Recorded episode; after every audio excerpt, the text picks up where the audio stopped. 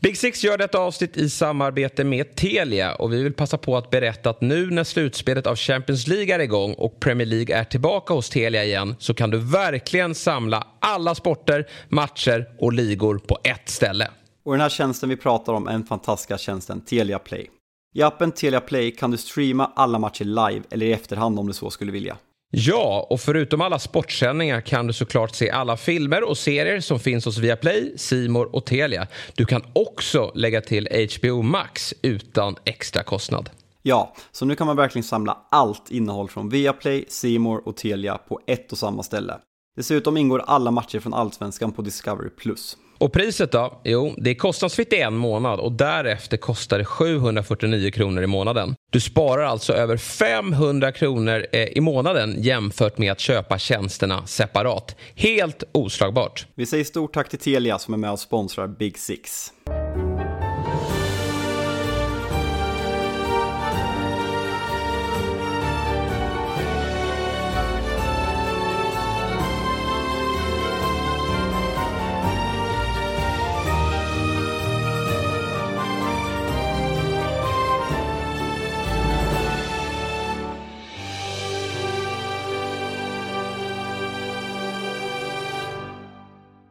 Då hälsar vi er varmt välkomna till ett nytt avsnitt av Premier League-podden Big Six. Men det blir inte bara Premier League i den här podden, det har ni nog lärt er eh, vid det här laget, alla ni som har lyssnat. Vi tar givetvis in eh, både ligacup, eh, FA-cup och Europaspel. Med mig som alltid så har jag ju min kära kollega Fabian Jalkemo. Du, solen skiner, men du vet väl vad som väntar nästa vecka va? Ja, jag har sagt det två gånger att jag har vårkänsla, men nu är, nu är det fan på riktigt. Jag har jobbat i t-shirt två dagar i rad nu. Eh, men jag gick in och kollade prognosen. Det ska inte, jag ser inget snö i Norrköping, men jag såg en natt bestående av minus 11 nästa vecka. Eh, så, men man måste fan, man måste välja, välja glädjen. Eh, jag säger tredje gången, eh, tredje, tredje gången gilt kanske. Det, det är fan vår, det, inte vår nu, men snart. Vår känslor. Ja, jag måste ändå säga det också. Jag som eh, tar mig till jobbet tidigt för att spela in Fotbollsmorgon. Jag märker ju stor skillnad nu på ljuset. Och ljuset, för alla oss svenskar, det är ju någonstans det vi går och, och eh, längtar efter. Sen blir det ju alltid dåligt väder, hur vi än vrider och vänder på det. Men, men ljuset är där och eh, ljuset eh, eh har vi även för flertalet av våra klubbar i Premier League. Och eh, jag tänker väl att vi väljer att fokusera på det lag som har mest ljus, ljus riktat mot sig. Eh, och det är ju Arsenal. Va? Som, eh, ja, det är ju faktiskt så. Som efter gårdagen eh, befäster sin position som eh, tabelletta i Premier League. Och eh, för varje gång man ser dem så får man känslan att det här kommer att bli en strid hela vägen in i mål. Ja, verkligen. Det vart en, en så kallad försök till trippelskärm igår för mig. Det var, det var inte lätt, men jag gjorde mitt bästa för att få en, ett intryck från, från alla, alla tre matcher. Men eh, Arsenal, eh, vi pratade om den här lilla, lilla, lilla eh, formsvackan som man har ändå tagit igenom eh, på ett väldigt bra sätt och vänt med, som kanske vändningen mot, eh, mot Aston Villa som det tydligaste exemplet. Men igår är ju, alltså Everton stod väl upp skapligt första halvlek. Det, det är ju ett ja. det är ett destruktivt jävla pissgäng Sean Dyche. Vi har hyllat dem för att de tar sina poäng och håller sina nollor på hemmaplan men borta, alltså dels på Anfield och nu på Emirates. Det är ett, det är ett fruktansvärt deppigt lag. Och man romantiserar lite att man saknar den här typen av tränare när Daesh kom in och hårdför brittisk 4-4-2 men fan det, det är deppigt alltså. Mm, jag håller med och det är så här Everton, de står upp bra i första halvlek, det håller jag med om. Men det är mycket för att Arsenal är sömniga och jag kände efter så första halvtimmen här när det stod 0-0 att eh, Arsenal var kvar i den här eh, lilla, lilla formsvackan, formdippen som vi har pratat om här i, i podden och som nog eh, fler än oss har konstaterat. För de var inte riktigt på tårna. Ibland kan det bli sådär med Midweek, en, en match mitt i veckan när de inte känner att de är, de är på tårna, de är lite slitna och, och man får inte riktigt fart under, under eh, under tassarna. Men Sen så eh, smäller det ganska ordentligt då i Jordan Pickfords vänstra kryss då i den ja, men 40 minuten då när, när Saka skickar in 1-0. Och då går ju den lilla luft som fanns i Evertons lungor ur och Arsenal börjar spela ut. Det här var ju en perfekt match att, att studsa tillbaka på för Arsenals del och att hitta tillbaka till storformen. Det var ju samma elva som senast mot, mot Leicester. Men eh, de gjorde ju också en justering i paus där. Jag vet inte om eh, Jorginho var skadad. Men eh, Partey kom ju in i paus och eh, eh, då tycker jag även att Arsenal blir ännu bättre. Andra halvlek är det ju total slakt. Och om vi ska börja med, med vi börjar med gästerna, då, då, är det ju som så att det här kommer bli väldigt svårt för dem. Det känns som att eh, Dyche hårda nypor, jag har ingen aning om han har det, men man, när man tittar på honom så ser det ut som att han har hårda nypor. Och det, det, det ser ut som det. Ja, det ser ut som det. Och sättet de spelar på är också eh, lite management by fear. Att håll era positioner, 11 man bakom bollen och bjud inte på ett smack. Och det eh, är väl, eh, det bet ju första matchen mot, mot Arsenal. Och vi fick lite den typen av inledning i den här matchen. Men det, återigen, det var ett Arsenal som inte var påkopplade. För sen då när, när eh, någon får in 1-0, det förlösande 1-0 målet, ja men då är det inget snack om saken. Och Everton får det jättejobbigt att hänga kvar. Det är klart att på, hemma på Goodison, när de får med sig lite publik också eh, i, i ryggen och, och man vågar kanske flytta fram lite grann om, man får, om de får matchbilden dit de vill. Ja, men då kommer de nog kunna stånga in en, ett mål på hörna och, och ta någon, någon trepoängare här och där. Men jag tror inte det blir särskilt många. Och jag känner mig allt tryggare i att Everton är ett av de lagen som ska följa Southampton ner i, i Championship faktiskt. På tal om Southampton, vilka fan åkte de ut med? Grimspel, vad var det? Det var ju rätt kul igår för att eh, jag, jag, satt och, jag var tvungen att mässa lite med Axén här i, i samband med den här matchen. Så jag skrev ju bara Grimsby... Punkt, punkt, punkt, och då satte jag igång honom. Och han är ju en, han är rolig. Vi är ju alla olika typer av supportrar till vårt lag. Vi har ju den obotliga optimismen och sen har vi ju eh, den, den ja, sanslösa pessimisten. Och det är klart att Axén går nog in under kategori två här och det är väl svårt att vara något annat. Jag skulle vilja träffa en obotlig optimism i, från Southampton. Southamptons supportled just nu, det, det, är nog inte helt lätt. Men Axén var ju Ja, men han var ju skogstokig. Eh, och eh, jag, jag, frågade så här, men är det inte lite märkligt att Southampton, för jag såg att det var ganska stora förändringar i den här startelvan. Är det inte lite märkligt att de roterar så kraftigt som de gör? Vad då roterar? Alla spelare är lika dåliga. Det spelar absolut ingen roll vilka de spelar. Så han var på krigsstigen igår och jag frågade vad, vad tycker du om den, den, här Adam Armstrong som de tog in från Blackburn? Han har inte riktigt tagit fart. Han kostade 18 miljoner pund, går inte in i Vasalund, eh, fick jag till svar då. Så att, eh, nej, eh, Axén har gett upp. Och eh, det här, jag säger inte att Southampton hade någon, någon möjlighet att gå hela vägen, men fa Cup-drömmen är ändå speciell på något sätt. För varje omgång du tar så, så, så, så tror man ju på det någonstans. Men givetvis då, mot, ligger alltså på 16 plats i League 2 eh, har vi eh, Grimsby. Och spelar hemma. Alltså och spelar hemma. hemma. Och även om det är lite rotation då så är det ju otroligt svagt. Ja, sidospår. Vi, vi, tar, vi kommer till FA-cupen senare, men bedrövligt av Southampton. Och eh, både de och Everton tror jag spelar i, i Championship nästa år. Jag har väldigt svårt att se. Och så Everton, de försöker ju de får ju lite möjligheter när eh, Arsenal slarvar lite grann och inte riktigt är med i matchinledningen att kunna ställa om. Men det finns ju inga omställningsspelare heller.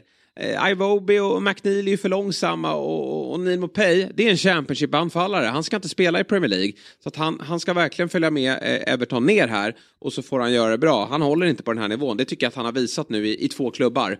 Och eh, in, när den, liksom, det känns ju som att mittbacksparet eh, och, och, ja, men hela försvarslinjen, de, de tror inte heller på det här. Så tungt, tungt för, för Everton. Men, men detta härliga Arsenal då, som ju eh, man ser ändå att de, de liksom metodiskt, de har sin idé och, och, eh, man vet ju att över 90 minuter på hemmaplan, även om de förlorade på Goodison, de, även om målet inte hade kommit innan halvtidsvila så hade de vunnit den här matchen. Ja, nej, det, det, var ju verkligen att det, det har känts som att nej, med de två senaste vinnarna att det finns en liten medgång och sen nu börjar man få igång, vi är ju på något sätt, inte, inte ifrågasatt, men sagt att Martinellis formtopp han hade i början av säsongen har ju mattats av ganska rejält och att vi har uppmuntrat att värvningen av Trossard har kommit in. Sen nu Trossard nya två matcher i rad, Martinelli helt plötsligt, ja men från att man verkligen inte räknar bort honom, men att han att han har varit ja, men en typ av rotationsspelare, han har startat någon match, hoppat in vissa matcher, så gör han tre mål nu på de två senaste matcherna i, eh, när man spelar tajt schema mot, eh, mot Leicester. Han gjorde väl mål mot Aston Villa också, så det är fyra mål på, på senaste tre matcherna. Eh, så det, det, är viktigt att få tillbaka de här spelen och Bakayo Saka, alltså vilken, på något sätt lite i skymundan. Vi har ju på något sätt alltid pratat om Arsenal att kollektivet har varit det starka, att Martinelli är bra, Saka är bra, Jesus gör spelarna bättre, Ödegård pratar ju folk om Player of the Season för bara en månad sedan, men ska man sammanfatta hela säsongen nu så är det på något sätt Saka som sticker ut om det är att han har 10 plus 9 eh, i Premier League eller om det är alla, alla tävlingar, jag vet inte, men det, det är en sanslös säsong han gör. Mm. Det, ja, det är en helt sjuk säsong. Ja, och jag tycker att det finns förbättringspotential i poängskörden också. Jag, jag, jag, känner att Saka skulle kunna bli en ännu bättre avslutare, komma till ännu fler lägen och faktiskt bättra på den där målskörden. Nu får vi se vad han slutar på. Men det där är en spelare som, som eh, om utvecklingen går åt rätt håll ska kunna nosa på 20 mål en säsong tycker jag. Så, så, så förbannat bra är han och slår ju dessutom straffar. Men eh, ett jättefint första mål och han är bra i den här matchen. Viktigt som du säger med Martinelli att de får igång hans målskytte. För att när han har varit kall, men Arsenal har ju inte den här tydliga målskytten i sitt lag. Och, och, och när han är kall och, och mm, eh, Jesus är borta, Enketia har ju visserligen gjort det, gjort det bra, men då finns det inte lika många eh, målskyttar i det här laget. Det är kanske det som är lite svagheten då, att man inte har den där tydliga nian. Även om vi har sett jättemånga lag vara topplag ändå. Man behöver faktiskt inte den här eh, 30-målsskytten. Men eh, skönt ändå att Martinelli är igång och att inte... Eh, och där får man ju hylla Arteta för att han har ju gett honom speltid och förtroende hela vägen. Det har liksom inte varit några tvivel där utan det var ju nu eh, Eddie då som har fått kliva åt sidan och, och Trossard in. Man trodde ju att det skulle vara Martinelli som fick kliva av och Trossard in när, när um, Martinelli hade det som kämpigast. Men Arteta Fan, gillar mycket, honom. Det, det, är inte mycket DMs längre om att vi var hårda mot Eddie Jesper. Det är inte Nej. jättemånga. De är inte högljudda där längre. Och du, jag såg här att Gabi Jesus är i träning. Får se om mm. han dyker upp eh, på bänken här mot Bournemouth i helgen. Men vet du vad jag säger? Jag, eh, nu, jag slår fast vid att Big Six vinner duellen mot Enketia. Ja. Ja, men det, det, tycker jag verkligen för han lär inte starta jättemånga mer matcher innan Jesus är tillbaka och sen blir det inte start och vad, vad landar vi? Två, nej tre mål. Han avgjorde mot United, det är väl, det är väl den poängen han, han kan rädda hem men... Nej, men så här, han, han gör en, jag tycker han gör det bra, alltså han är godkänd stab, men det, är, det, har ju varit ett tapp, ja stabilt, han har varit, det har varit ett tapp mot eh, Gabi Jesus har det varit. Det, det tycker jag ändå att vi får eh, konstatera. Sen blir det i, det i, det i det längre loppet då, om vi tittar långsiktigt.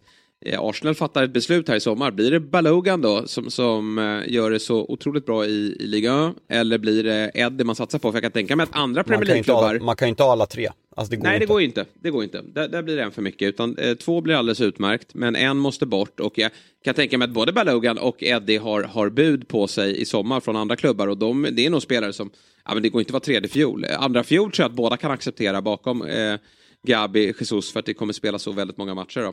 Men i andra halvlek så är det ju, det hade ju kunnat bli fler mål. Eh, man får igång Ödegård i, Ödegård i, i, i eh, i poängprotokollet igen. Sinchenko är eh, fantastiskt bra igen tycker jag. Han, ja, det, bra ja, han är helt otrolig. Alltså, han, han slår inte bort en boll. Han, vill, eh, får jag bara, gällande Arsenal, jag, jag, det har ju kommit ut nu, Martin, har han signat kontrakt Martinelli igen eller? Han har inte jo, men, det, tror jag. Det är jo, på gång är i alla fall. Ja, är det, det, kanske är, det, det, kanske är officiellt, jag vet inte. Och Saka eh, har ju Ornstein skrivit att det, det kommer ske. Och det här pratar vi om inför säsongen att Alltså om Arsenal vinner titeln, eh, det är såklart det absolut största, men säg att man kommer tvåa, att man får den här säsongen att Alltså det betyder så jävla mycket för klubben framöver. Det ger liksom en tro på Arteta, på projekten, man kan locka nya spelare som vill spela under, den här, under det här projektet, under Arteta. Saka och eh, kanske inte Martinelli, Martinelli har inte varit en världsspelare på samma sätt som Saka har varit, men säg att Arsenal hade slutat femma i år och man inte hade sett de framsteg man har gjort. Jag tror absolut att Saka hade kunnat sätta sig för och kunnat eh, intressera en klubb som Manchester City med 12 månader kvar på kontraktet. Så om vi bortser från det sportsliga, att man kanske vinner ligan eller, rent, eller kommer två, det, det, det får vi se men just den här statementet att spelare vill spela för klubben, det är så jävla viktigt för Arsenal som klubb som har, ja, men som har haft svårt att hålla kvar spelare och att locka de bästa spelarna de senaste ja, 10-15 åren nästan. Mm. Jag är verkligen med dig. Eh, Saka, det blir eh, jätteviktigt och han ska vara kvar nu. Det här är ju en eh, klubb som han har möjligheter att ja, men dels utvecklas som spelare men också en klubb som kan utveckla sig även om man gjort en jättebra eh, säsong. Hur det här än slutar så finns det ju andra eh, utvecklingsområden. Eh, så jag hoppas verkligen att det blir ett, ett, ett förlängt eh, kontrakt för eh, Saka som eh, är riktigt bra i matchen och det är, ja, hela laget är, är ju bra eh, från den 35 minuten och framåt igår. Sinchenko som sagt den här fria rollen. Eh, han är ju överallt, han måste tycka det är så otroligt kul att spela. Han, mm. alltså, måste, det är en så rolig roll att, att alltså, han dyker upp lika ofta på högersidan, nästan oftare på högersidan tycker jag. Han belastar lite där de känner att de, de ska skapa ett tryck. Eh, och eh, igår var det rätt mycket till höger, han slår bollen till Sakas mål och, och har bud på andra saker och är väldigt trygg i, i det mesta han gör. Det, men, inte det där, men inte det där häftigt med, med ytterbacksplatsen? Det är ett känt Gary Neville-citat när han säger, när de, jag tror att han och Carragher i Sky Sports diskuterade Trent, att det har blivit sexigt att vara ytterback. Han sa “Nobody wants to grow up and be a Gary Neville”. Trent gjorde ju liksom offensiven sexig. Nu är ju Pep som kanske startar eller om det var Bayern München med, med, med, med Filip Lam redan som spelar den här inverterade ytterbacksplatsen. Nu på något sätt, det är ju sexigt att vara ytterback när, när lag börjar spela med en ytterback som, som de gör på det här sättet. Att ytterbacken kan gå in och den andra kan man skjuta upp nästan som en ytterforward i anfallet samtidigt som man går ner med sin sex i försvarsspelet. Det, det, är, fan sex, det är en sexig position 2023. Ja, det är det verkligen. Det är, eh, det är häftigt hur fotbollen hela tiden tar kliv. Eh, från att en ytterback var en ganska trist roll där. Kom ihåg Zlatans... Ja, Gary Ja, Gary Neville, men Zlatan har ju varit på den också med Källström där. De har spelat för mycket vänsterback. Det är, det är aldrig kul att, och, och, har aldrig varit kul att husera eh, i den positionen.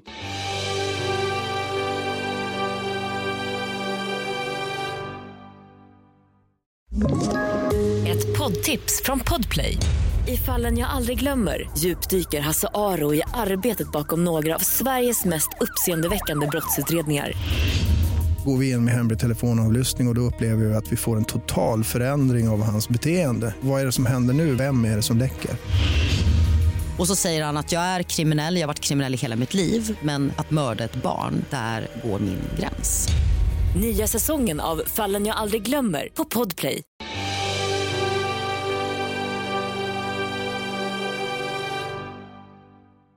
Eh, men, men eh, bra för Arsenal. Schemat är ju fortsatt lätt här. Nu ska man visserligen kliva in i Europa League här snart.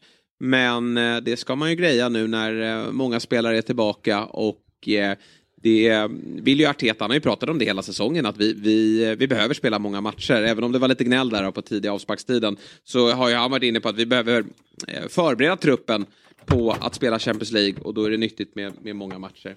Hur mycket, gällande det innan vi fortsätter, hur mycket tror du att de, för i gruppspelet roterar man ju ganska friskt. Så mm. folks argument för att Arsenal, nej men har man den här trötta jämförelsen om vilka som har bäst av Arsenal och Napoli. När folk har tagit den så är det så här, Arsenal har inte satt på prov, man har inte roterat, man, man har inte behövt slåss på två, på två fronter. Hur tror du, om vi bara får spekulera, tror du att man kommer gå med bästa laget i Europa League eller kommer vi se en tydlig rotation där man liksom satsar allt på ligan för att vinna ligan och man skiter lite i Europa League? För, för många har ju liksom bonusen med Europa League en gratisplats i CL men där har ju Arsenal redan säkrat den. Så om vi bara får spekulera, hur, eh, hur tror du att rotationen kommer att se ut?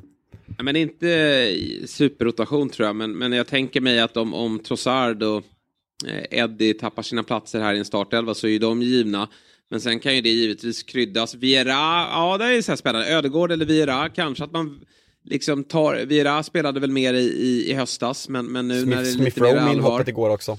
Ja, jättekul om han. Det är ju perfekt för honom att spela i Europa League faktiskt. Din favorit där. Jag tror att han eh, absolut, om han bara håller fysiskt, kan få spela. Men annars tror jag också att det blir Saka och Ödegård och, och även Martinelli någon match. Jag tror inte att det... Nu har man ju lite större bredd. Jorginho är där och, och kan spela och det finns eh, även lite möjligheter att rotera på, på eh, de olika backplatserna. Så jag tror att det blir ganska slagkraftigt. Men det är väl bra att ge Saka någon vila här och där. Annars så, titta bara på United. Alltså Bruno Fernandes vilas ju absolut ja, helt, aldrig.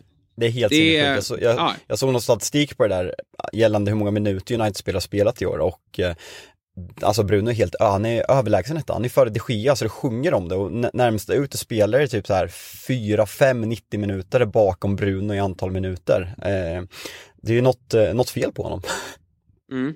Nej, eh, det är helt galet och, och Salah har ju också den typen av speltid. Men där tycker vi väl kanske att han har sett lite mer eh, trött ut då. Även om han då igår då på Anfield äntligen hamnade i, i målprotokollet. Det har varit eh, bleka siffror från hans del. Den senaste tiden i alla fall. Sen är många där och vill upplysa om att han har gjort 20 mål totalt.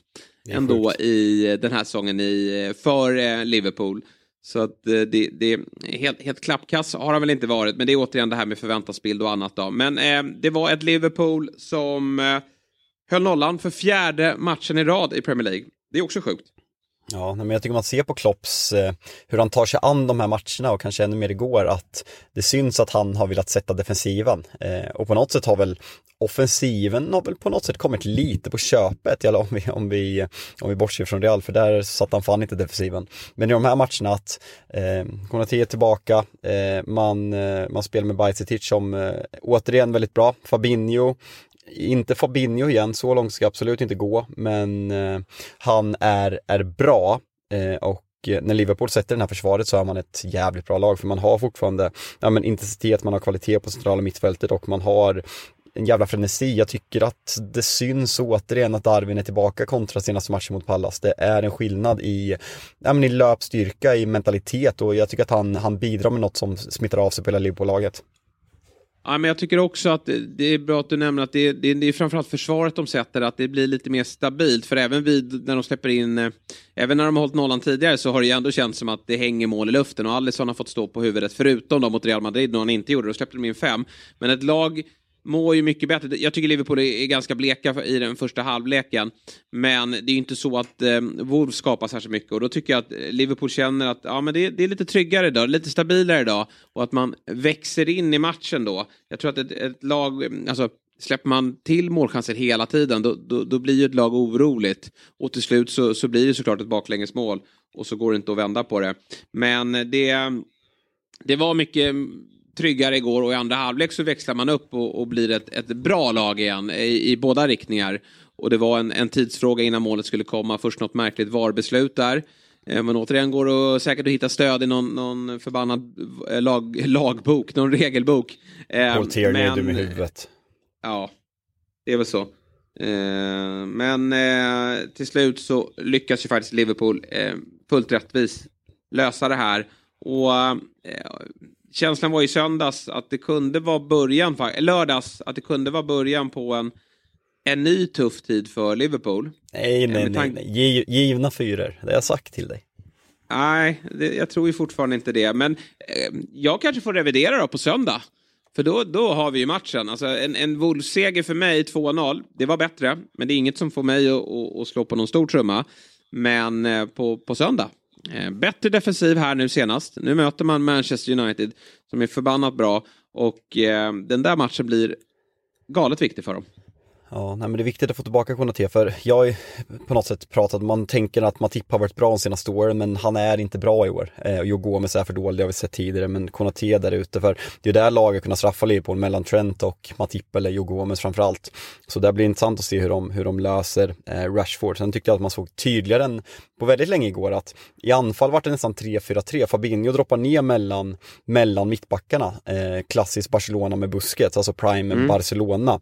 Eh, medan Simicas och Alexander Arnold går väldigt, väldigt högt. Eh, så det blir kul att se hur de, hur de fortsätter göra det där när man, när man ställs mot bättre lag. Ja, men framförallt United på söndag och sen har man Real Madrid om, om, eh, om en och en halv vecka är det väl. Eh, så Nej men framsteg för Liverpool, verkligen. Ja. Och, jag, och i ett jobbigt läge för dem, för det är liksom, alltså de har ju fortfarande i, i på näthinnan förlusten mot Real Madrid och att man är utslagen i Champions League och så en dålig insats mot Crystal Palace och, och Wolves har ju eh, liksom blivit bättre. De har stabiliserats och är inget lätt lag att, eh, att, att vinna över just nu. Var det sjunde sen... gången man mötte Wolves i år eller? Ja, men precis. Man har ju haft det jobbigt. Det, det är väl något sånt. De möts ju varannan vecka. Och de har haft ja. det eh, kämpigt med att brotta ner eh, Wolves. Och sen då 0-0 i paus. Ingen särskilt bra första halvlek.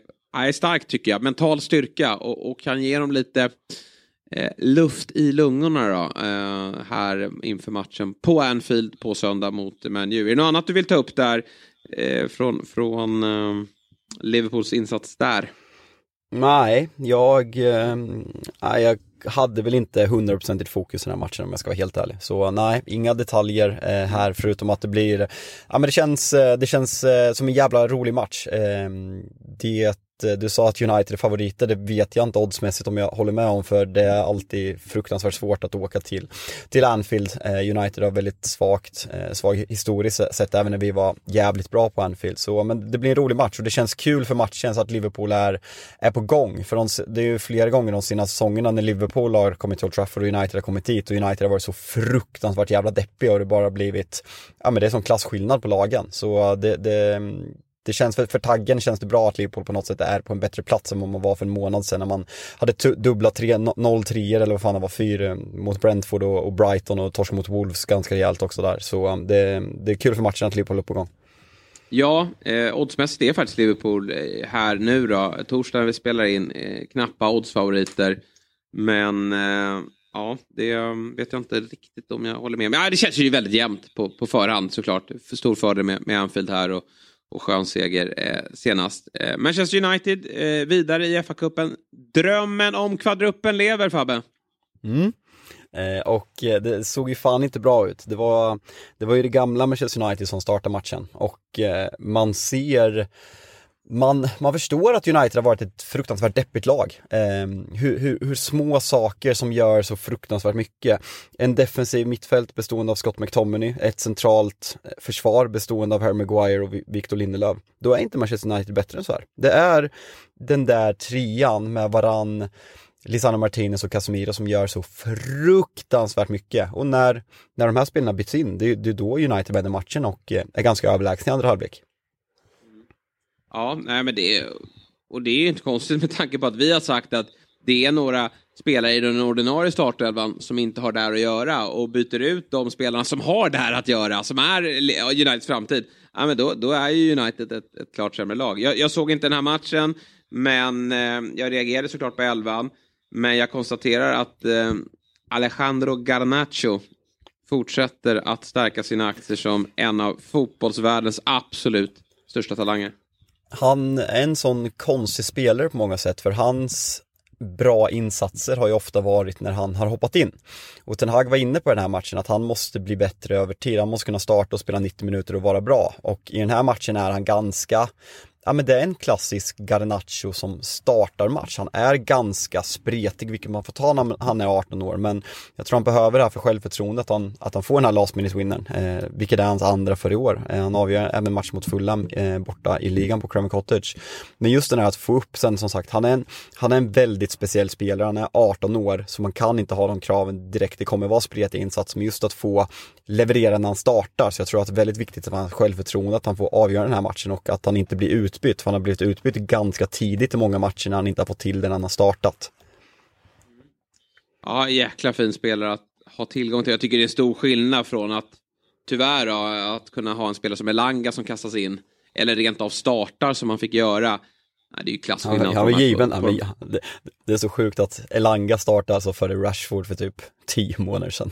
Ja, ja det, har hänt, det har hänt lite sedan dess och eh, jag eh, bara konstatera att United är på en väldigt bra plats just nu och eh, lotten framåt då föll väl på Fulham?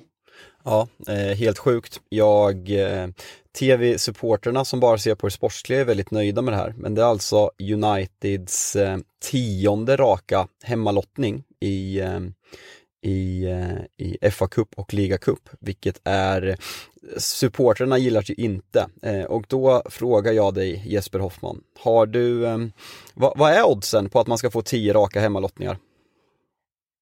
Ja du, det har svårt att svara på, men jag hoppas väl att det, det finns lite varma bollar där. Då.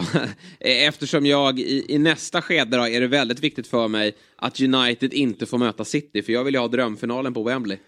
Ja, det är ganska dåliga lag kvar eh, om man får, eh, om man får säga så. Jag ska bara säga oddsen, det är en på 1023 gånger, eh, gångers oh, chans att man, att man får 10 raka hemmamatcher i de kupperna. Och dit jag skulle komma, jag har sagt det tidigare också, men supporterna som får betala för varje av de här matcherna, de, de är ju skittjuriga på att vi får de här hemmamatcherna. De vill åka på ja, men bra bortamatcher för att man får större, större biljett eh, på, på bortamatcher. Så för supporterna på plats så, så tycker jag synd om dem. För oss som ser till sportsliga och vill gå långt så, så är det en jättebra sportslig lottning. Mm. Eh, ja, blir eh, intressant att följa FA-cupen här framåt. För det är ju, även om du säger att det är en del dåliga lag vidare, så finns det ju lag med drömmar där. Ja, nu är Fulham, alltså United med tätt spelschema. Fulham gör ju en ja, galen säsong i Premier League, galen säsong i, i FA-cupen. Vi har Brighton där, som är välmående också eh, på, på två fronter. De fick ju en, en, en fin lottning här va? Det var de som fick Grimsby va? Ja, det var det va? Ja, jag tror det. Eh, och Sheffield United fick väl Blackburn. Ehm, och eh, då, då bör ju Brighton verkligen kunna ta sig till en semifinal. Och det där är ett lurigt lag. De skulle absolut kunna störa jättarna också i en, i en eventuell semifinal. Hjalmar Ekdal, han ska få revanschera sig mot Erling Braut Haaland här igen då. För han ska till Etihad. Och han berättade här i omklädningsrummet att det var ganska förbannat eh, att man just fick City på bortaplan. För Ashley Barnes... Varför var han inte med? Han vilade. Det var okay, ingen, inga problem. Okay. Eh, så att han, att han inte var med i truppen matchen. så tänkte om han var skadad. Nej, okay. nej det är han inte. Han vilade. Men han, eh, ja, men han tycker det ska bli jättekul såklart. Och det blir häftigt för Company då att få, få mäta sig med, med sin gamla adept eh, Pep Guardiola då, på Etihad. Det är ju en tuffast Ja, det går inte att få det tuffare egentligen eh, än att Nej, åka dit och möta Nej. City och ett City som såklart vill vinna den här titeln. Men eh, kul match såklart eh, att, eh, att blicka fram emot. Du, eh, i övrigt då, Manchester City slog ju Bristol City med 3-0 och det var eh, lite kommentarer där från Phil Foden som sticker ut efter matchen. Mm, ja, men han sa i intervju, han, fick, han gör ju två mål här, vad gjorde han senast? 1 plus 1 i ligan och han fick ju frågan om ja, men situationen efter VM och eh, sa då it's one of the lowest parts of my career. Och eh, man, det framgick väl inte om man på vilket sätt det var, om att kände sig orättvist behandlad av Pep eller om, man, om det har varit någonting, men känslan när han säger en sån där sak är inte att det har varit en skada utan att det mer har varit en eh, ja, men en direkt petning, att han inte har prioriterats av Pep. Eh, så det är ju ett fruktansvärt bra sätt att visa med de här två insatserna. Sen fine, Bristol City borta, det, det är inte där det, en säsong ska avgöras. Det är, på, det är på Emirates, det är Champions League som, som Phil Foden ska göra de här insatserna långsiktigt. Men han, han måste ju komma tillbaka nu och eh, sen är det svårt för Grealish kan, ja men det har vi sagt tidigare, kanske på sin bästa City-plats sen, sen han kom förra sommaren. Mares är inne i en bra Mares-period, så um, det är frågan vart, vart Foden ska in. Han ska in, det vet alla, både jag och Jesper tycker, ja. men fråga, frågan är vart han ska in, för de andra är också ganska formstarka. City, de har smugit lite, vi har kritiserat dem, men börjar de inte komma igång ganska många spelare ändå? Att de, om vi bortser från KDB, att så här, många spelare börjar, backarna, Stones börjar komma tillbaka, de börjar hitta till lite for, for, formen då. Ja, och det är nu de ska vara bra. Det är inte eh, i, i, januari, februari där de brukar lägga i växeln och nästan avgöra ligan för att de tar så många segrar i rad. När, när andra lag kanske är lite mitt in i, i en serie lugnt då. Utan det är ju nu när vi närmar oss Champions League. Nu har man ju visserligen inte tagit sig vidare ännu. Det är Leipzig, eh, en retur som väntar där, även om man såklart är stora favoriter. Men jag tror ju som du, eller som vi tycker och, och Ehm, vi tror är ju att Phil Foden kommer att ta sig in i den här elvan nu. För är han i toppslag rent eh, fysiskt och mentalt, då är det såklart att eh, Pep älskar ju honom. Så då, då, hittar han en roll för honom i laget. Och jag tror att det är en Omare som kan få kliva åt sidan. Sen kan de ju rotera från match till match. Men, men betydligt mer speltid på Phil Foden. Och det är ju en speciell säsong och det, har, det är inte bara Phil Foden som har tagit stryk av det. Med ett VM som ligger mitt i. Det blir ju en annan typ av uppladdning inför ett mästerskap. Och, och sen så blir det en baksmälla därefter och det är inte alla spelare som, som eh, kan hantera det. Eh, Marcus Rashford till exempel som ju har haft en, en briljant säsong eh, från start till mål. Han tog ju med sig, eh, eh tog ju med sig formen Eh, från eh, ligan in till VM och trots att England åkte ut så lämnade han där som en vinnare och så klev han eh, ut på, på Carrington och Old Trafford och, och var precis så där bra som eh, vi minns honom och nu är han bättre än någonsin. Så det, det blev ju ett, ett, ett bra eh, mästerskap för honom men andra har haft det kämpigare. Men City såklart vidare i FA-cupen blir ju eh, favoriter där. Och eh, till ligan, eh, i ligan då, till helgen, så väntar ju eh, Newcastle. Men där har man ganska eh, stark City-känsla just nu, eller hur? Ja, men det är en passande uppgift. Newcastle måste ju få igång sitt eh, målskytte och det vore så kul. Det är ett perfekt läge nu för Alexander Isak att, att, eh, att kickstarta sin Newcastle-karriär för de, de hungrar ju efter en målskytt. Som vi sa, Almeron inte den spelaren har varit, Saint Maximan har inte slutprodukten.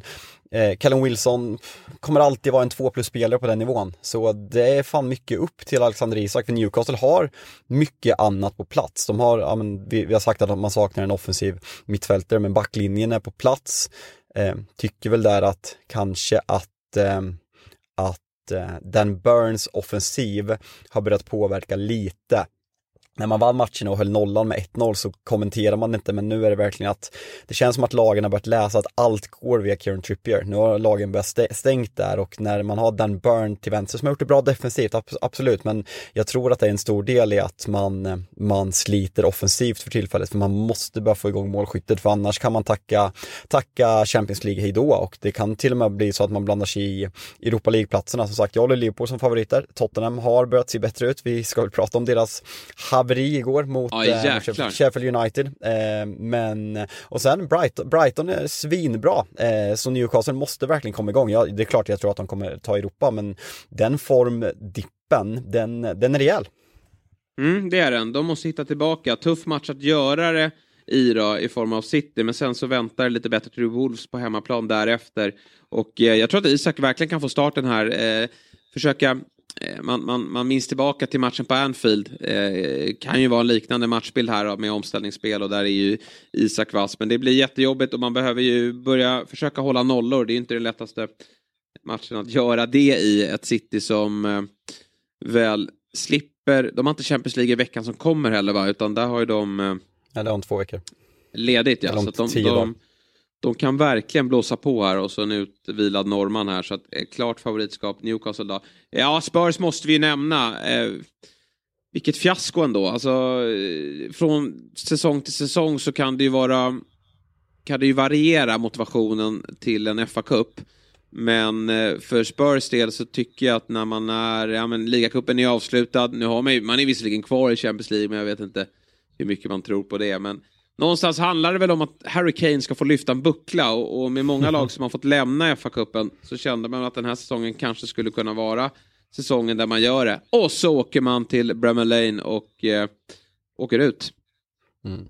Alltså det är en rotation men det är ändå ingen tokrotation. Eh, det är väl att Kane inte startar som sticker ut och det, det är lite konstiga är ju att innan VM, jag kommer, kommer ihåg när vi satt och ifrågasatte när fan ska Harry Kane få vila för han spela, man mötte något rövgäng i ligacupen och så här första fa cupmatcherna efter, efter VM och han spelar varenda match, han startar varenda match. Här sitter han på bänken. Sen ska jag säga att han, man sätter in Harry Kane i 65, man sätter in Dejan i 73 och det är efter de här bytena som, som Sheffield United avgör. Och eh, återigen, alltså avsaknaden av en central mittfältare som kan diktera tempot, som kan hålla i bollen, tjatar om Tottenhams jävla bollinnehav vecka ut och vecka in, men 53% mot Sheffield United, alltså det är ett Championship-lag. Du har Höjbjerg, du har Sardar, måste kunna föra en match på ett bättre sätt än vad Tottenham gör den här matchen.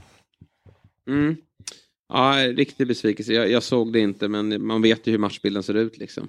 det är det är ett eh, Spurs som, oavsett vilka de möter, vi, vi har, i, Sverige, i svensk fotboll har de alltid referenser till Teddy Lucic. La, la sig alltid på samma nivå som motståndaren. Det spelade ingen roll om man mötte om han mötte Kalmar i allsvenskan för AIK eller om han mötte England i, i eh, VM-premiären eh, 2002. Han var ju eh, alltid på, på samma nivå. Och eh, det är lite så med Spurs tycker jag. Att de, de, eh, de tar aldrig tag i matcher och, och blir särskilt dominanta. Utan eh, man eh, spelar lite efter, efter eh, motståndarens agenda. Och eh, då kan det ju såklart, man vinner ibland men man kan även på grund av att man har den individuella klassen. Men igår hade man inte det från start. Då hade vi ju Kane på på bänken, kommer in men kan inte göra skillnad och eh, det är eh, surt för dem. Men de får ju å andra sidan då fokusera på att ta den här fjärdeplatsen i, Champions, i, i, i Premier League som sorgligt nog typ är viktigare än att vinna FA-cupen. Lämnar Harry Kane om de inte tar topp fyra? Ja, jag vet inte. Alltså, det, uh, han borde alltså, göra det. Här var ju, man... det, här var ju, det här var ju verkligen chansen och vi pratade om Contes, ja, med Contes framgång med Chelsea i FA-cupen, en, final, en finalförlust och en, och en seger. Eh, det här var verkligen Spurs chans och som du säger, Men ganska, men Liverpool ute, Chelsea ute, Arsenal ute, Newcastle ute. Det, det, fanns en, det fanns en jävla möjlighet att i alla fall komma till Wembley. Så det här är ju nej, men en enorm jävla missräkning och Spurs går vidare med det här. Ganska lätt schema i ligan, men sen ska man möta Milan. Klarar man mentalt att åka ut där och sen fortsätta slåss om topp fyra, det kan, det kan bli tufft. Det kan det sannoliken bli då. Spurs till helgen då, Wolves på bortaplan. Ja, varje match i ligan är ju måste-matchen nu här för det, det kommer bli ett race. Du säger Liverpool, jag säger Spurs. Newcastle, Brighton, Fulham. Det finns många lag där som eh, vill eh, göra upp om det.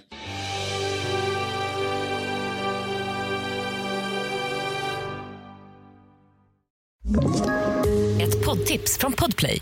I podden Något Kaiko garanterar östgötarna Brutti och jag, Davva, dig en stor dos skratt. Där följer jag pladask för köttätandet igen. Man är lite som en jävla vampyr. Man har fått lite blodsmak och då måste man ha mer. Udda spaningar, fängslande anekdoter och en och annan arg rant. Jag måste ha mitt kaffe på morgonen för annars är jag ingen trevlig människa. Då är du ingen trevlig människa, punkt. Något Kaiko, hör du på Podplay. Därför är gardinerna.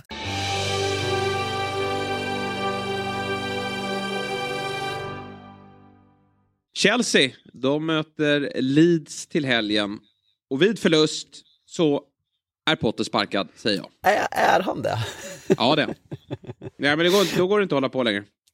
Nej, alltså torska, Då- slår, de inte, slår de inte Leeds hemma och framförallt gör de inte mål mot Leeds hemma, då, då måste han ju rycka. Kan ändå verkligen, fan, man har ju suttit och idiotförklarat Todd Bowley och frå, frågat sig vad fan han håller på med och vad han vill göra med den engelska fotbollen. Men jag, jag kan ändå uppskatta det här att han, han har gjort sitt val, han har headhuntat den här tränaren och han, han löper liksom linan ut. Han, han ger honom chansen för vilken annan ägare som helst hade sparkat Potter efter de här insatserna. Man har alltså gjort, sen början av no- november, man har alltså gjort minst mål i hela Premier League.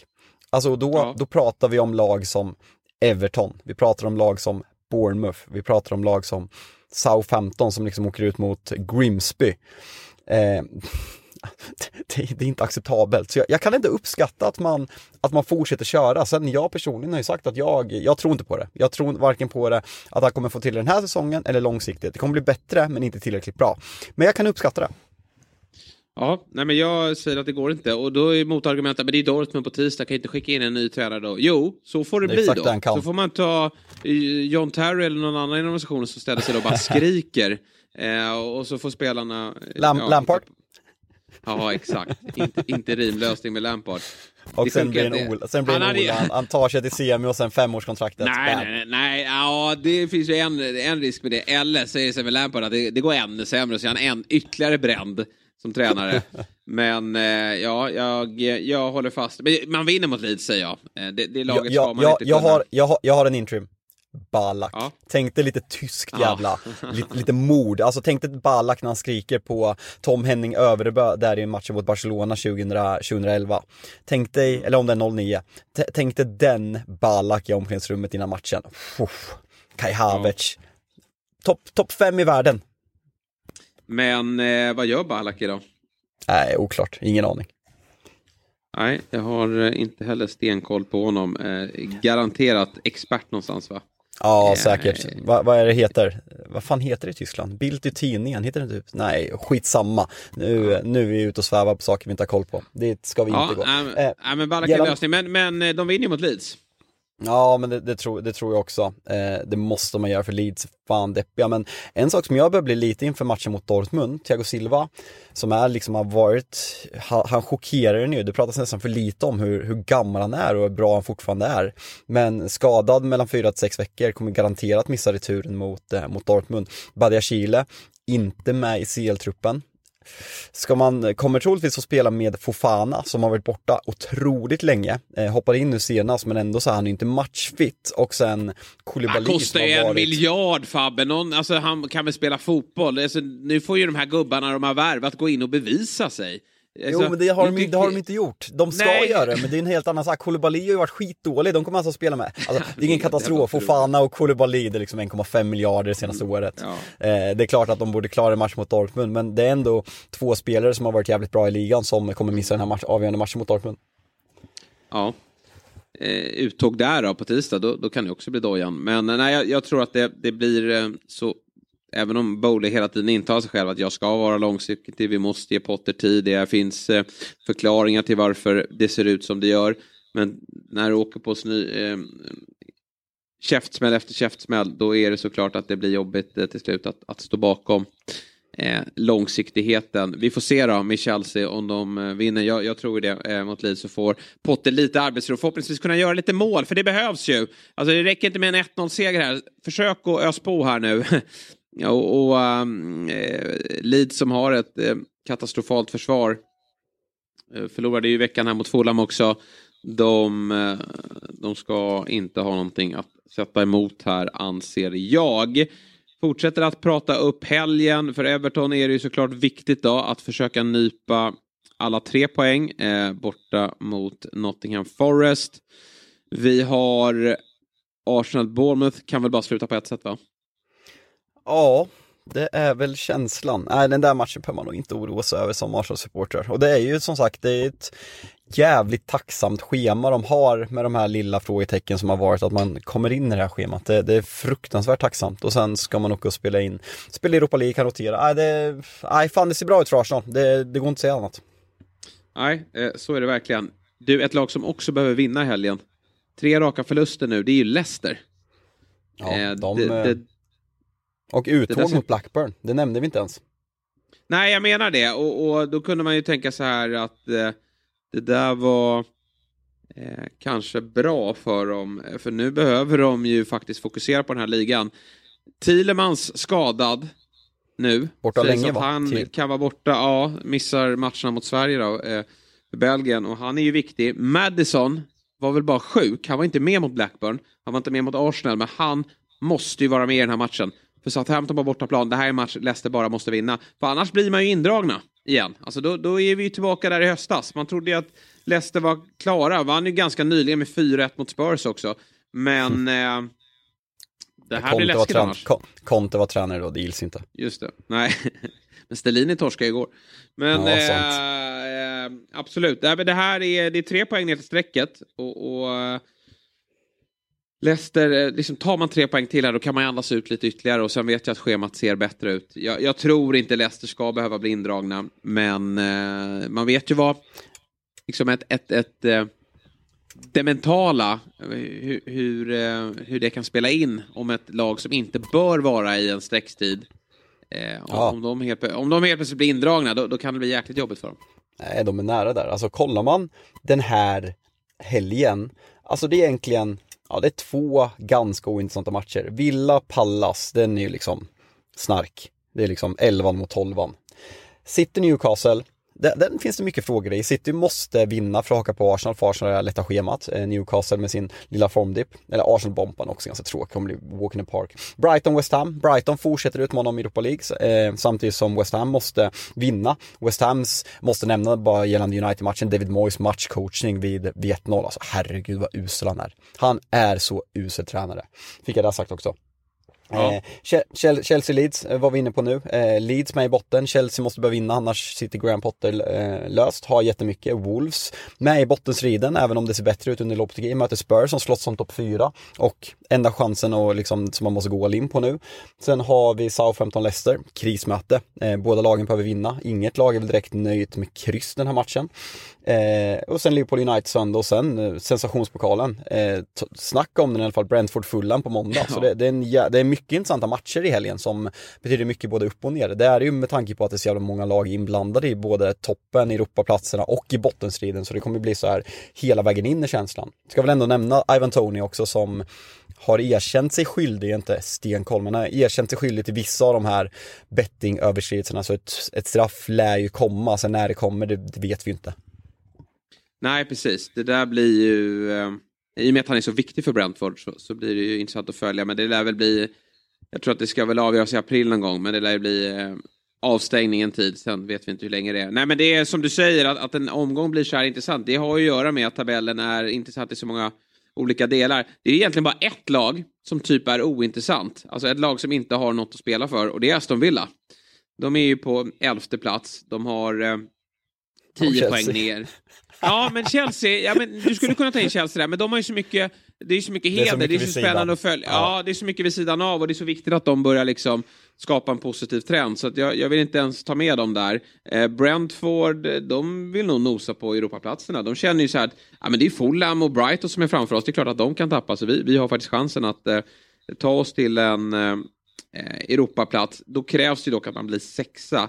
Det kan ju bli att det delas ut ytterligare en plats där med FA-cup och så vidare. Men eh, ja, Brentford vill ju, och de där klubbarna, för dem handlar det ju om att, jag menar, kan Brentford sluta på en sjunde plats så är det enormt stort för, för en klubb som, som dem. Så att, eh, alla klubbar har att spela för. Det blir en intressant eh, omgång till helgen och det blir ju framförallt fokus på Liverpool United. Uniteds 11, den känns klar eller? Ja, det gör den. Ja, frågan är vem som spelar till, ja den känns klar. Eh, Fambisaka högerback, Antoni ja, högerytter, Bruno Tia, ja absolut. Eh, Weghorst, han spelar, han startat varenda match när han kom. Det är om de skulle så. köra någon variant och spela Rashford och sen köra in eh, Sancho och spela Bruno och Anthony. Eh, det är väl det mm. jag skulle kunna se för att man vill straffa Liverpool Eh, ba, jag tror fan man kan göra det när jag tänker efter. Alltså Liverpools, du kan straffa dem bakom backlinjen, framförallt vid Trent men även van Dijk som har sett trött ut bakom sig den här säsongen. Att då få in snabbheten, dels Anthony, sen Sancho och Rashford och spela kanske med Bruno. Antingen spela Sancho som tio och skicka ut Bruno, jag vet inte, no, någon, något i den stilen tror jag att det finns möjlighet till. Just för att få, få ut djupledshotet på ett annat sätt än om man har mm. Eller spela Weghorst som, eh, som åtta som har gjort någon annan match, skicka upp, skicka upp eh, Bredvid Casemiro. men, alltså, men folk, jag... folk snackar, ja, men den matchen mot Barcelona borta, folk snackar om att han var 10. Kollar man på så här ja. average position, han spelar ju snarare 8. Ja. Nej, det är Galna jävla, jag, för, jag förstår att ni har eh, fattat eh, tycke för honom också med de här bilderna som har kommit ut. Men alltså, någonstans förstår man, han, han ska ju inte vara på den här scenen. Och att han får liksom vinna titlar och, och tillhöra en så pass stor klubb som Manchester United, det är ju häftigt för honom. Han verkar vara väldigt omtyckt i, i omklädningsrum och annat. Så det har ju blivit en liten publikfavorit. Trots att eh, det går att ha åsikter kring hans eh, insatser jag tror vi värvar honom, jag, jag, jag tror United värvar honom i sommar. Ja, det är inte omöjligt med tanke på hur omtyckt han är. Eh, kan man ha eh, Ja, vilka spelare nu haft genom åren? Eh, Phil Jones och Mata här på slutet. mycket på grund av så här, att de betedde sig, att de var schyssta i omklädningsrummet. Då kan man väl ha Weghorst där. Men ja, du, annars då, kan man inte ta Rashford och Garnacho då om man ska hota bakom? Och skita i Weghorst? Ja, det hade varit riktigt, riktigt så hade Trent fått, fått det stökigt. Nej, ja. det, alltså Garnacho. Han får komma in, Garnacho. Ja, det känns verkligen som det. Åka till Anfield borta, det, det är fortfarande, man ska ha respekt. Jag har sån fruktansvärd respekt för Liverpool på Anfield. Eh, man, ska inte, man ska inte skratta bort det med att Liverpool har, har, har en svajig säsong och eh, åkte på det man gjorde mot Real Madrid. Det, det ska bli en jävla rolig match. Kör vi på, kör vi på söndag eller? Ja, men det gör vi ju. Du är, låter glad i hågen. Det kommer du kanske få äta upp, men det tycker jag vi ja, kör. Men... Söndag kväll ja. spelar vi in, så vi får ett dagsfärskt avsnitt eh, måndag morgon. Liverpools mittfält då. Eh, igår var det lite mer eh, Eh, lite mer offensiv framtoning då när Harvey Elliott kommer in. Eh, Henderson tycker inte jag har någonting på det där mittfältet att göra. Men det känns som att Bajsetic hade ju det tufft mot Reals namnkunniga mittfält. Nu ställs han mot ett eh, Casemiro då, det är ingen lätt uppgift. Men Fabinho, Bajsetic startar väl. Sen är frågan vem är tredje gubbe på det där mittfältet? Ja du, det är frågan. Alltså kollar man på, alltså kollar man, det är inte jättemycket roligt på, på Liverpools bänk. Jag, jag skulle nog gissa på Henderson. Alltså för att ja, man ska få det. sin kapten, för att man vill ha liksom den rutinen mot, mot United och sen Ja men det blir väl samma elva. Robertson kommer in istället för Tsimikas och sen hade jag gissat på att Gakpo tar tillbaka platsen istället för Jota. Ja, det tror jag som, också. Eh, jag tycker han gjorde ett bra inhopp av det jag såg igår och Jota, eh, ja men inte redo. Annars känns väl Liverpools elva ganska given också va. Det är den där mm. centrala mittfältplatsen som, ja det är väl den. Alltså Harvey Elliot har gjort det bra tidigare. Han spelade mot City förra säsongen på centrala mittfältet. Han har framförallt på Anfield gjort bra matcher även mot bra motstånd. Så det, det skulle pigga upp om, om de vågar spela Elliot istället för Henderson. Ja, hoppas att, ja men det händer ju något mer med det där mittfältet när han spelar. Sen om han är redo den uppgiften, det, det får väl Klopp, Klopp bestämma. Annars är ju Luis Diaz tillbaka i full träning. Eh, två veckor Nej. Eh, pratas ja, ja, exakt. Alltså, ja, han, han, han, är, ja. Han, är tillbaka i träning laget. om två veckor, så är det precis, Ja, precis. exakt. Han ska börja träna med laget lite, så här, mm. värma upp och sådana saker nästa vecka som jag fattar det. Mm. Eh, och sen ska han vara tillbaka i full träning förhoppningsvis om två veckor. Så det ja. där tror jag kommer vara riktigt, riktigt viktigt. Pratar jag om ja, men Darwins frenesi, vad den gör för hela laget. Där får du in Luis Diaz och sen kan du spela Darwin och honom. Jag tror det kommer göra mirakel för Liverpool. Fan, Mm. jag, jag backar Liverpool så jävla hårt på topp 4. Jag skulle kunna sätta mycket pengar. Ja, det är så pass. Ja. Ja, jag är inte lika övertygad. Men vi får se hur det låter eh, på söndag. Vi, vi har ju en tendens att eh, vända kappan efter vinden, även om jag står fast vid att jag tycker fortfarande att Liverpool måste upp på en högre nivå för att vara favoriter till det. Men du, en trevlig helg som väntar då, ur ett Premier League-perspektiv. Och eh, sen så väntar vi in bakslaget vädermässigt i veckan som kommer där. Men då är ju Big Six tillbaka som ett eh, som värme i mörkret. Eh, Eller mörkt, Ja. det är ljust. Men, men värme i kylan då, så får vi säga. Och så hoppas Ja, vi att vi jag- kanske får med oss en gäst nästa vecka. Ja, nej, men det ska vi absolut försöka lösa. Sen jag är ju faktiskt, jag är faktiskt ruggig nedförsbacke, bakslag eller inte, ska ju till Italien nästa fredag. Eh, och Ja, nu ska du dit igen. Ja. Men Eh, vad är det här? Att du börjar med, med Serie A-vurmande här på ålderns höst? Nej, det här var ju en omröstning i, en, eh, i ett kompisgäng vart vi skulle åka i hela Europa, så föll valet på och kolla på, ja, men världens genom tiderna bästa lag, Napoli. Ja, just det. Ja, nej, men eh, Ja. kan de säkra titeln i helgen eller?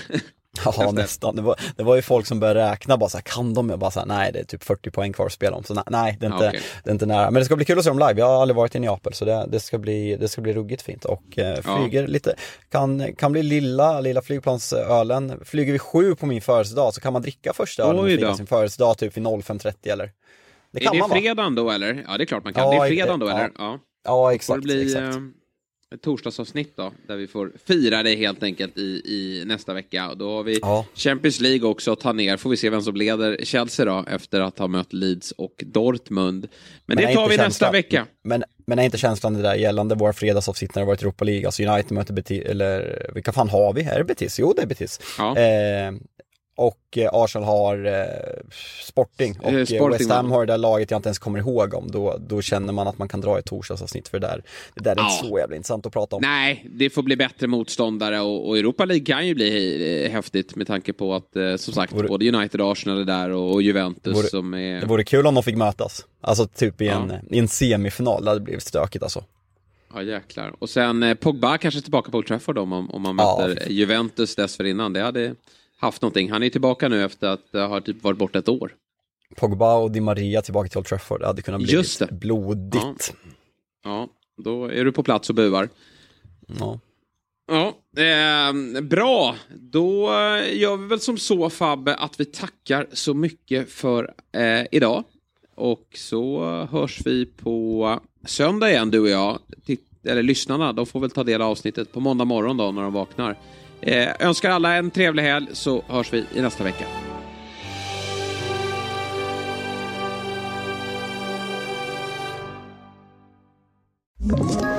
Ett poddtips från Podplay. I fallen jag aldrig glömmer djupdyker Hasse Aro i arbetet bakom några av Sveriges mest uppseendeväckande brottsutredningar. Går vi in med hemlig telefonavlyssning och, och då upplever vi att vi får en total förändring av hans beteende. Vad är det som händer nu? Vem är det som läcker? Och så säger han att jag är kriminell, jag har varit kriminell i hela mitt liv men att mörda ett barn, där går min gräns. Nya säsongen av Fallen jag aldrig glömmer på Podplay.